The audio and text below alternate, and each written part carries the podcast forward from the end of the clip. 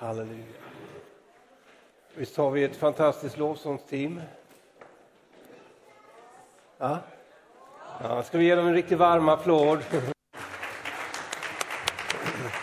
Vi ärar Jesus, men vi ska också ära varandra och upphöja varandra på det sättet att vi ska uppmuntra varandra ordentligt.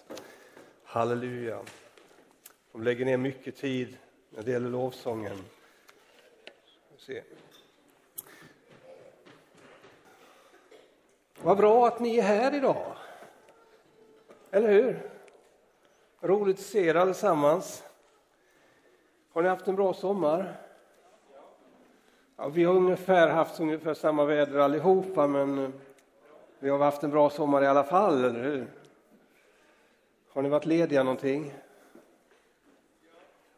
Ingen som varit ledig? Ja. Har ni gjort? Har ni badat eller? Har ni solat? Haft det skönt? Idag ska jag läsa från eh, början, jag ska, jag ska predika utifrån Efesierbrevet 2 idag. Eh, och jag, jag, ska säga så här, jag har inte valt det här bibelordet för att jag tycker om Efesierbrevet, för det gör jag verkligen. Jag tycker om Efesierbrevet, det är en av mina favoritböcker i Bibeln. Jag blir alltid uppmuntrad när jag läser Efesierbrevet, Filipperbrevet och, och så vidare, och Kolosserbrevet. Men Efesierbrevet är en av mina största favoriter eh, när det gäller Guds ord. Så vi ska, vi ska läsa från Efesierbrevet 2, vers 1-10. Eller vi börjar från, eh, jo, vi börjar från 1. Också er Gud gjort levande, ni som var döda genom era överträdelser och synder. Tidigare levde ni i dem på den här världens vis och följde härskaren över luftens välde. Den ande som nu är verksam i olydnadens söner. Bland dem var vi alla en gång när vi följde våra syndiga begär och gjorde vad köttet och eh, sinnet ville. Om naturen var vi vredens barn, vi var liksom de andra. Men Gud som är rik på barmhärtighet har älskat oss med så stor kärlek, också när vi ännu var döda genom våra överträdelser, att han har gjort oss levande tillsammans med Kristus. Av nåd är ni frälsta. Ja, han har uppväckt oss med honom och satt oss med honom i den himmelska världen, i Kristus Jesus, för att i kommande tider visa sin överväldigande rika nåd genom godhet mot oss i Kristus Jesus. Ty av nåden är ni, fräl, eh, av nåden är ni frälsta genom tron, inte av er själva, Guds gåva är det, inte på grund av gärningar för att ingen ska berömma sig. Till hans verk är vi, skapade i Kristus Jesus till goda gärningar som Gud har förberett så att vi ska vandra i dem. Amen. Visst var det ett härligt bibelsammanhang? Va? Jag tycker det är uppmuntrande bara läsa det. Så egentligen så skulle jag kunna gå och sätta mig nu, för ni har blivit välsignade av Guds ord. Men jag ska säga någonting också runt omkring det här.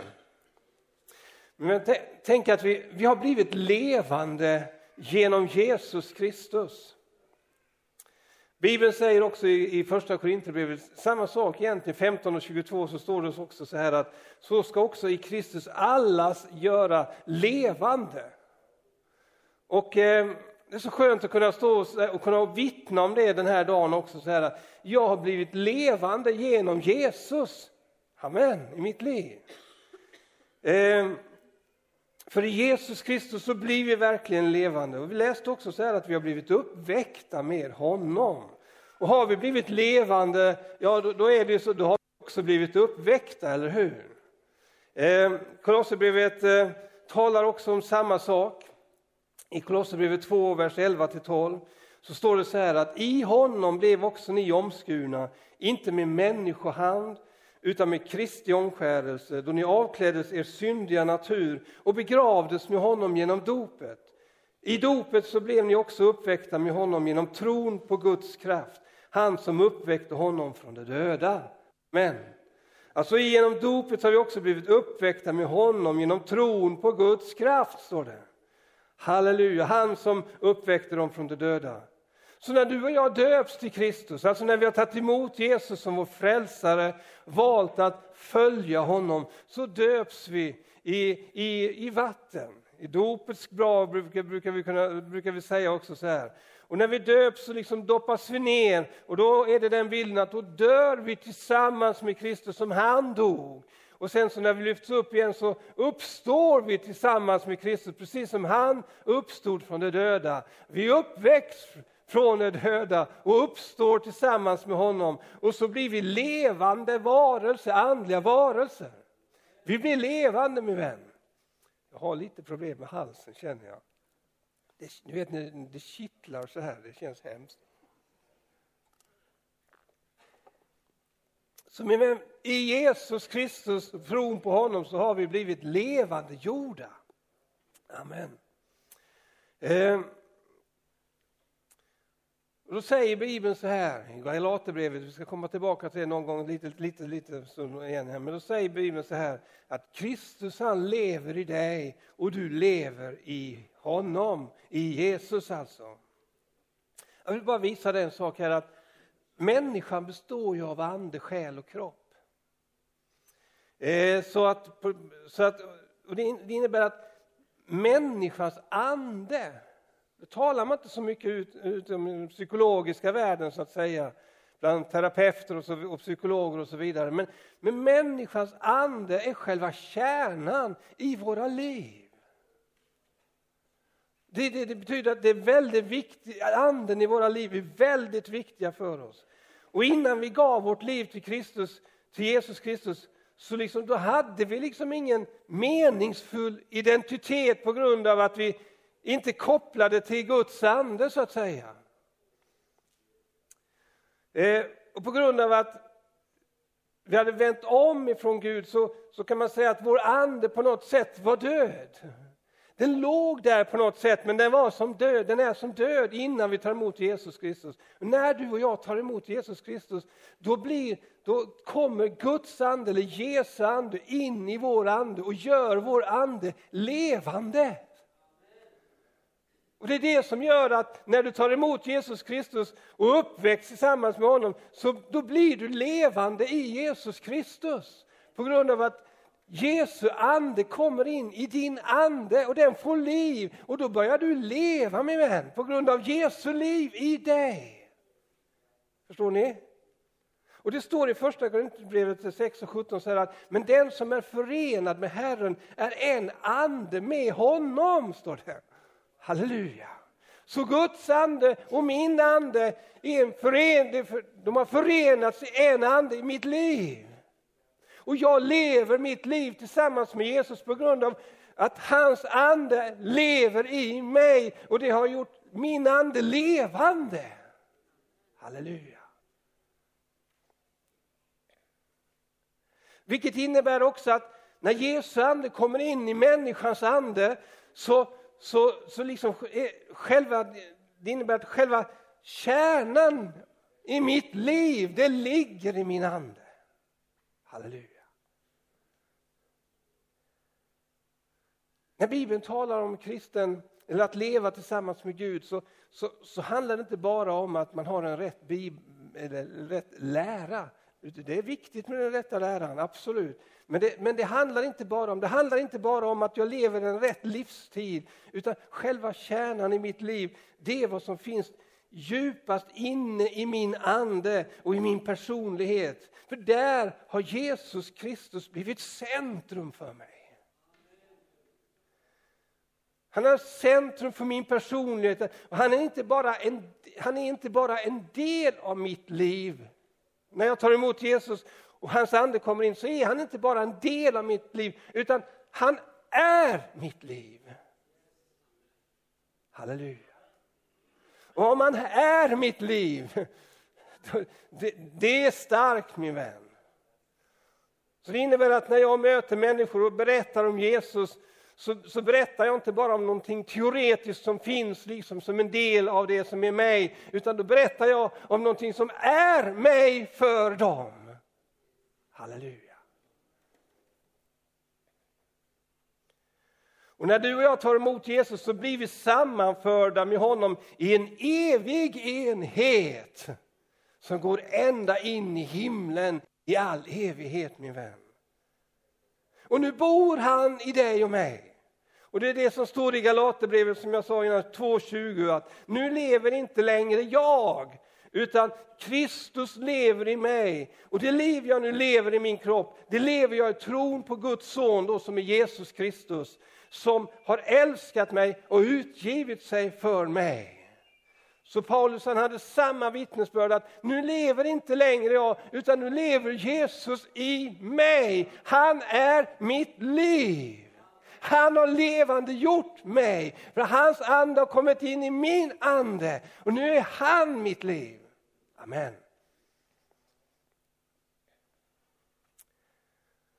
Och i det här också att vi tar emot Jesus och blir levande gjorda med honom så får vi vår identitet i Kristus också. Och det innebär att han är inte bara min idol utan han är mycket, mycket mer än så. Utan jag har hela min identitet i, i honom. Nu läste vi också så här i Efesierbrevet att han har satt oss i den himmelska världen, står det. Det är ju spännande, eller hur? Han har satt oss i den himmelska världen. Han har uppväckt oss med honom, vi är uppväckta med honom. Och han har satt oss i den himmelska världen i Kristus Jesus, står det. Det här tycker jag är fantastiskt. Det här också. För, för mig är det här väldigt fantastiskt.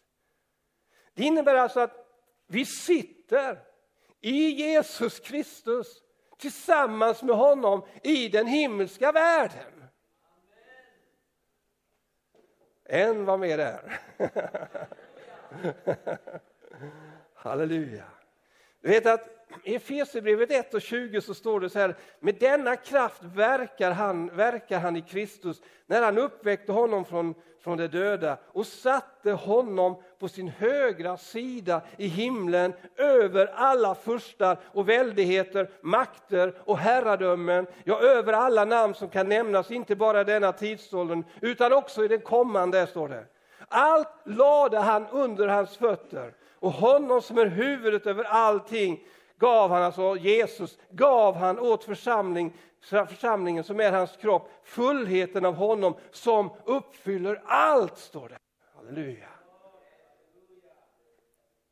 Det innebär alltså att Jesus Kristus sitter idag på Faderns högra sida, på tronen i himlen. Amen.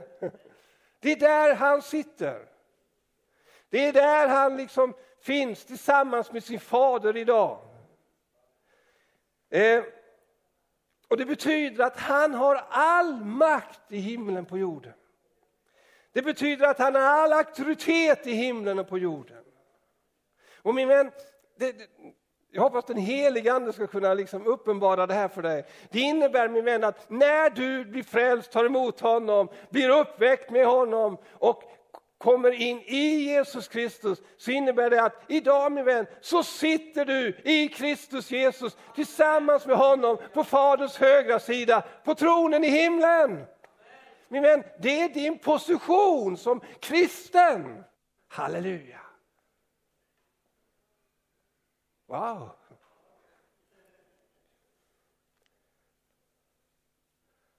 På grund av att du har blivit placerad i Jesus Kristus så får du uppleva det här min vän.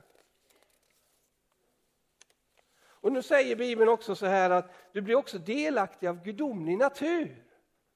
Första Petrusbrevet 1, 3-4. Till allt som hör till liv och gudsfruktan har hans gudomliga makt skänkt oss genom kunskapen om honom som har kallat oss genom sin härlighet och ära. Genom dem har han gett oss sin dyrbara och mycket stora löften för att ni av kraft av dem ska få del av gudomlig natur. Amen. I Jesus blir vi delaktiga av gudomlig natur. Gudomlig natur. Det innebär min vän att från att han har varit en syndig människa, vilket vi alla har varit, så när du tar emot Jesus så blir du fri från den syndanaturen och så får du bli delaktig av en gudomlig natur. Det innebär att du, har inte längre en, du lever inte längre med en syndig natur i ditt liv. Amen. Det finns jättemycket att säga om det här, men jag ska gå vidare. Jag vill bara ge dig den också vi tar en sak till, Efesierbrevet 1 och 4. Så står det att liksom han innan världens grund blev lagd så har han utvalt oss i honom, alltså i Jesus, för att vi ska vara heliga och fläckfria inför honom. står det. Vi har fått delaktig av gudomliga natur. Det här, och det så läste vi om att vi blivit heliga och fläckfria inför honom. I honom. Det innebär att i Guds ögon, när han ser dig, så ser han dig nu genom Jesus Kristus och vad han har gjort på Golgata kors för dig. Att han dog på korset för dina och mina synder. Och när du och jag tar emot honom i tro så ser Gud oss genom Jesu verk på Golgata, där du är renad genom hans blod min vän, där du har fått delaktig av en gudomlig natur, där du har blivit helig och fläckfri min vän. Så Gud ser dig som en helig och fläckfri människa. Amen. Utan synd.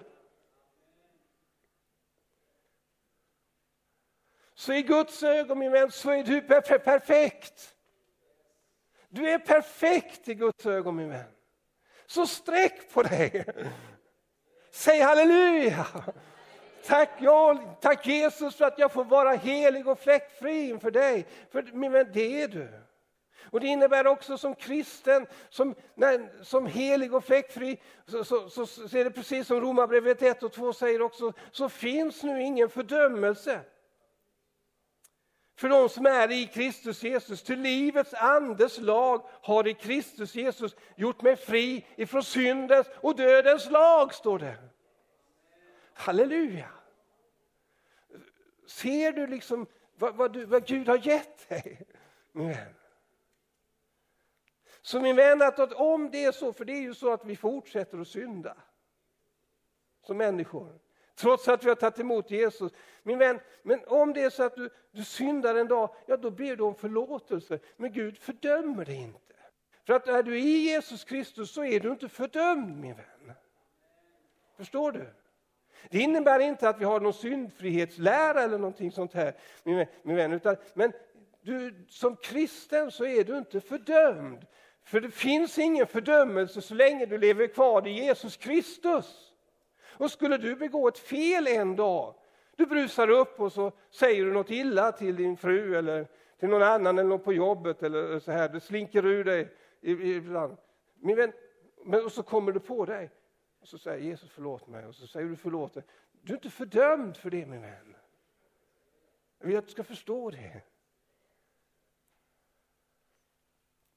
Jag vill försöka tydliggöra det här lite till för dig innan jag bara går vidare sen som kan hjälpa dig i din vandring med Jesus. För vi måste få en rätt förståelse av vår position, och vår ställning och identitet i Jesus Kristus och vår vandring här på jorden. Ibland kan jag tycka att har jag haft svårt att förstå det. Det tog lång tid innan Gud fick förklara det för mig. Men jag vill säga så här att i vår position i Kristus, i Jesus Kristus, så är vi med honom i himlen. Med den fulla auktoriteten som han har utifrån sin tron där han sitter idag. Vi lever utifrån det i Jesus Kristus, men på vår vandring här på jorden så snubblar vi fram lite sådär. Förstår du? På vår vandring på jorden så snubblar vi fram som människor. Men i vår position i Jesus Kristus så sitter vi tillsammans med honom på tronen. Förstår du lite hur jag menar?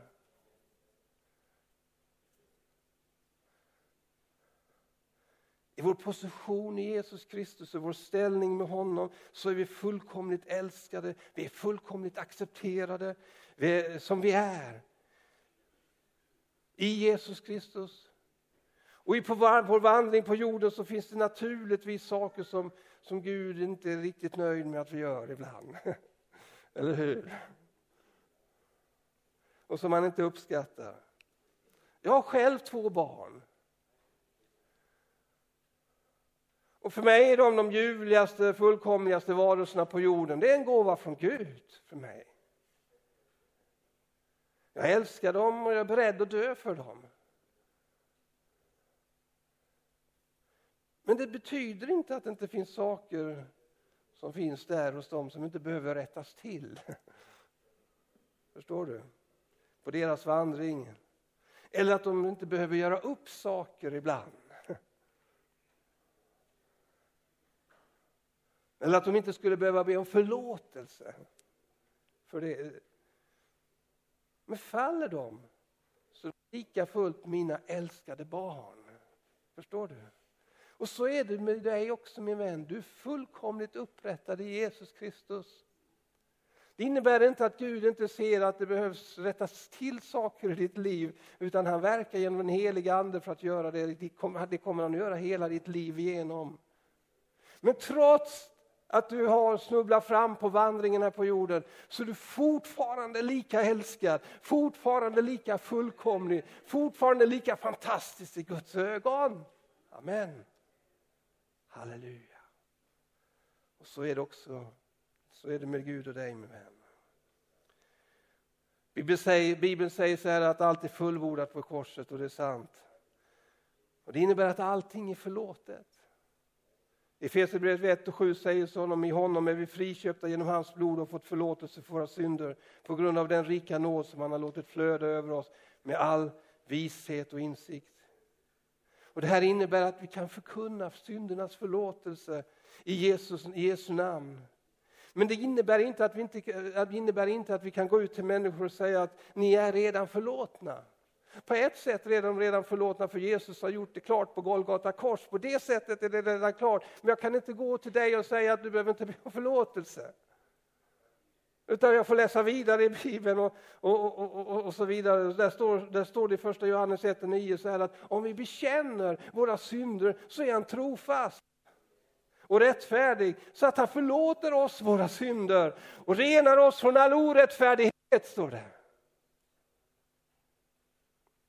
Och Det innebär att jag förstår att, att även om han tog min synd på Golgata kors så behöver jag själv ta ett steg och säga förlåt mig, min synd. Och när jag gör det så blir jag renad från min synd. Då upplever jag Golgata kors i mitt liv. Förlåtelsen. Och jag blir upprättad och levande jord i honom. Amen. Halleluja. Är det bra? Är det någon som vill läsa slut? Halleluja.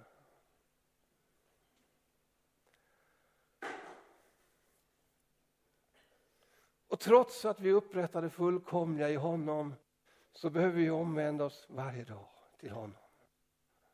Och varje gång det går lite snett för oss så behöver vi säga att förlåt på nytt igen. Halleluja. Men du vet att det är Guds nåd. Och att leva i Guds nåd och leva i Jesus Kristus, det är som havet vid en sandstrand du går och så, så vet du att vågorna de sköljer upp över stranden. Så ligger det lite stenar och så här och så vid strandkanten så ibland sköljer vågorna över och så, och så åker det tillbaka och så kommer det lite grus på stenarna.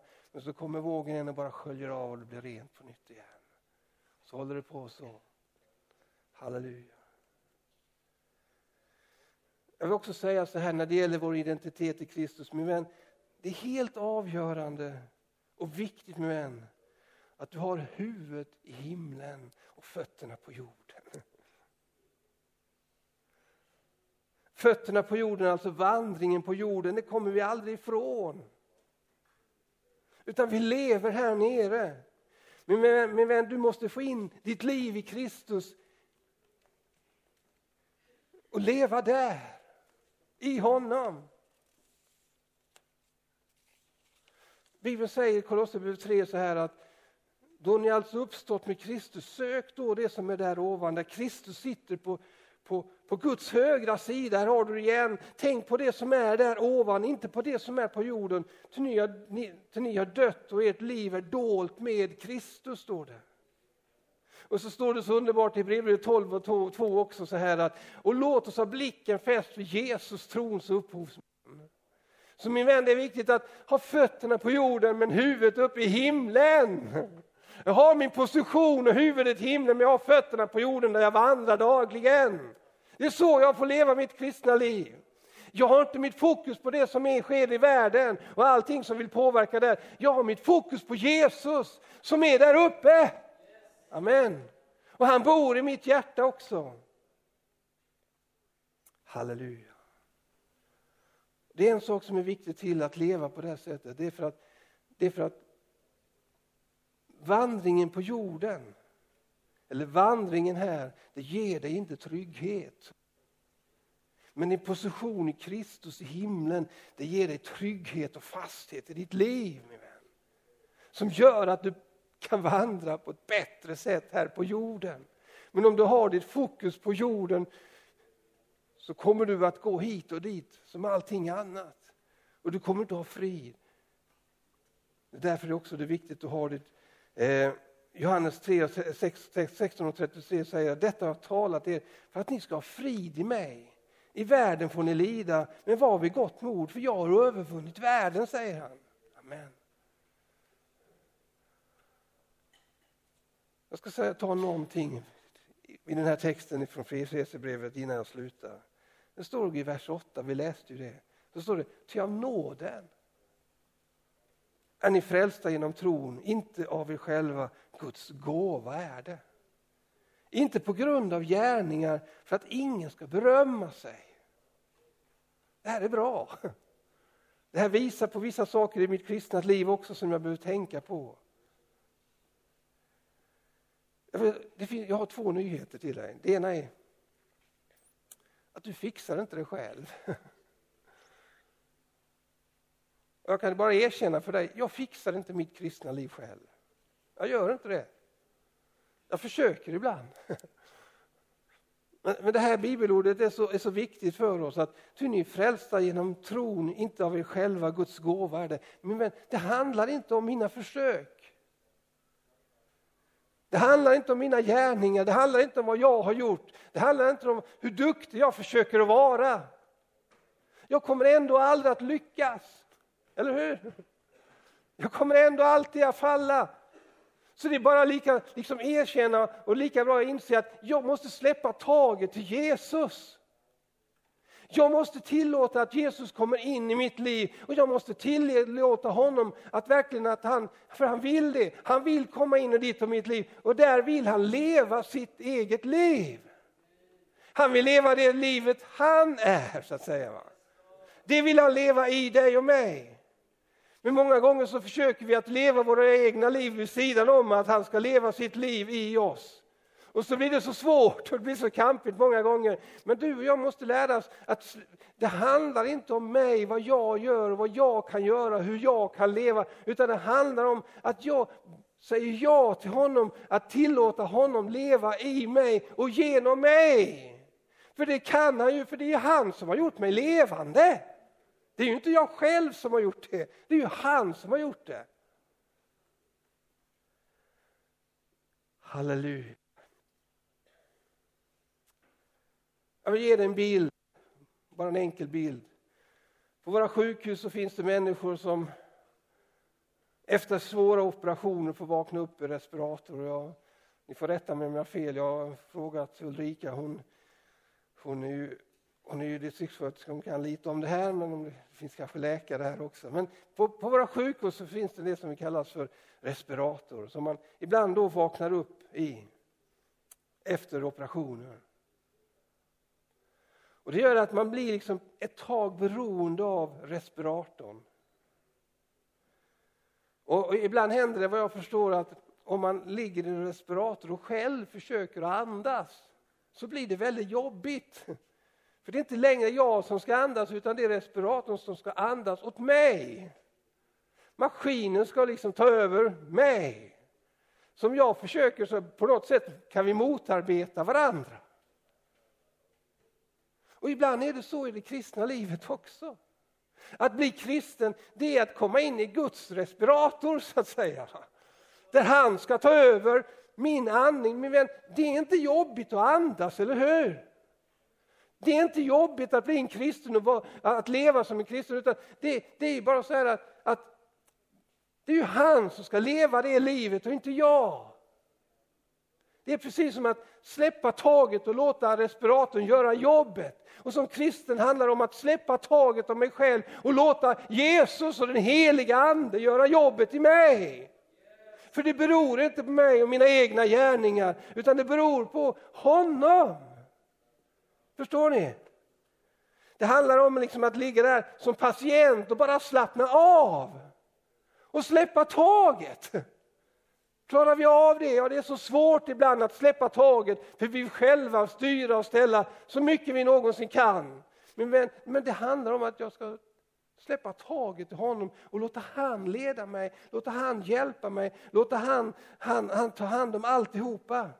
Att, jag, jag tänkte i första Mosebok 2.7 så står det faktiskt här att Herren han blåste livsande i hennes näsa. står det. Så blev hon en levande människa. Och Det är precis det min vän som på nytt händer när du tar emot Jesus Kristus. Så kommer Guds ande och blåser livsande in i din ande min vän. Han andas in i dig. Och vad han vill göra är att han vill fortsätta andas in i dig varje dag, varje stund. Ta över din andning så att du kan bara koppla av och vila. Halleluja. Så min vän, frågan är om du vill släppa taget. I Kristus har vi också fått den helige ande. Efesierbrevet 1 och 13. I honom har också vi, och så står det sen längre, tagit emot den helige ande. Halleluja. Guds ande vill komma in och låta Jesus Kristus leva sitt liv i mig och vara som vår andedräkt. Halleluja. Den heliga ande är din och min hjälpare. Han är vår ledsagare. Han är den som levande gör Kristus för oss.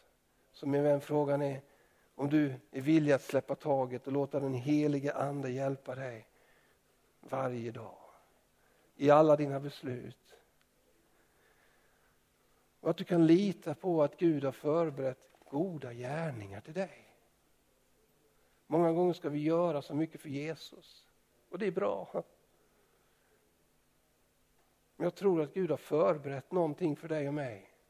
Han har förberett någonting. Och frågan är om vi vågar släppa taget och säga Jesus, ta över rodret nu. Du vet att jag vill ge mitt liv för dig. Jag vill göra så mycket för dig, men led mig in i det som du har förberett för mig. Min vän, då blir det mycket bättre. Halleluja. Och då sliter du inte ut dig så mycket heller. Amen. Ska vi sätta oss vid pianot? Be lovsångsteamet komma fram. Jag hoppas att jag kunnat uppmuntra dig en liten stund idag.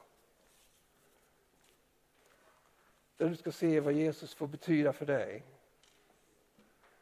Halleluja. Och jag önskar att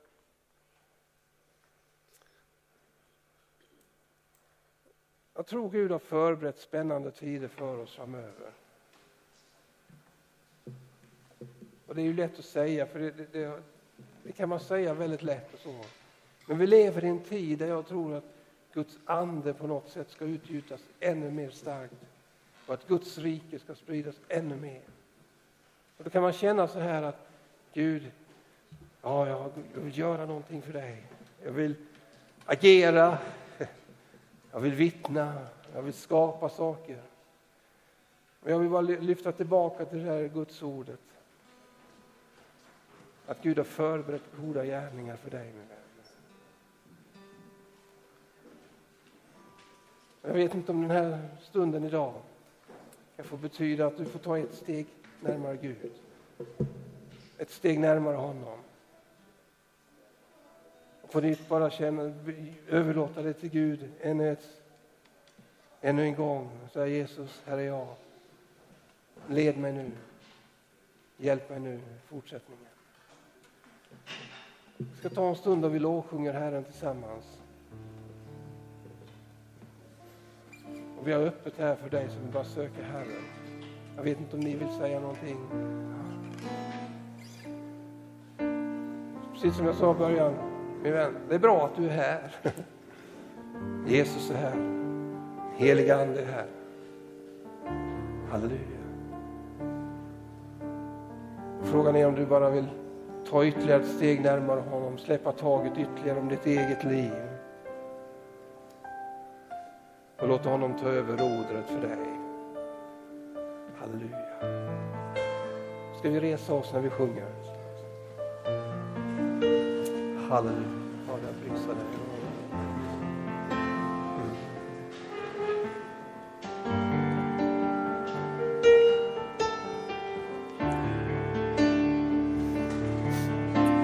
Medan vi sjunger så, så kommer du fram, du som känner att du vill ha förbön. Det kanske finns här som inte har tagit emot Jesus alls. Men du är här, du känner att finns någonting i dig ändå som tar tag om dig i det här mötet. Kanske lovsången, förkunnelsen, eller något annat som har hänt i det här mötet. Men Jesus han vill möta dig till frälsning. Han vill förlåta dig din synd. Han vill rena och upprätta dig med mig. Han vill uppväcka dig och göra dig levande idag. Det är ett fantastiskt tillfälle att bli frälst idag. Det är det vi säger när vi tar emot Jesus så blir vi frälsta. Halleluja. Du får bli helad idag och upprättad. Framförallt det här också som vi har talat om idag. Kanske tid för dig att släppa taget och låta den heliga Ande leda dig i fortsättningen. Så välkommen fram du som vill ha förbön. Husgruppsledare får gärna komma fram så kan vi ställa oss här vid, vid sidorna och så kommer ni fram, ni som vill ha förbön. Ni kanske finns här, precis som Anders sa, ni som inte har tagit emot Jesus ännu. Men jag tror att vi också i perioder i livet behöver göra Jesus till centrum i våra liv. Även om vi är här och vi är frälsta så kan vi också ofta gå vår egen väg. Vi har tagit emot Jesus men han finns någonstans i någon box. Jag har levt det livet förut. Men det är så gott att få göra Jesus till centrum bjuda in honom i livet i allt och inte gå den väg som man själv har planerat utan att man får verkligen ge det till Gud och leva det livet som Jesus har planerat för oss. Så om du vill på nytt bara göra Jesus till centrum i ditt liv så kom också fram nu så ska vi be för er. Så husgruppsledare, välkomna fram.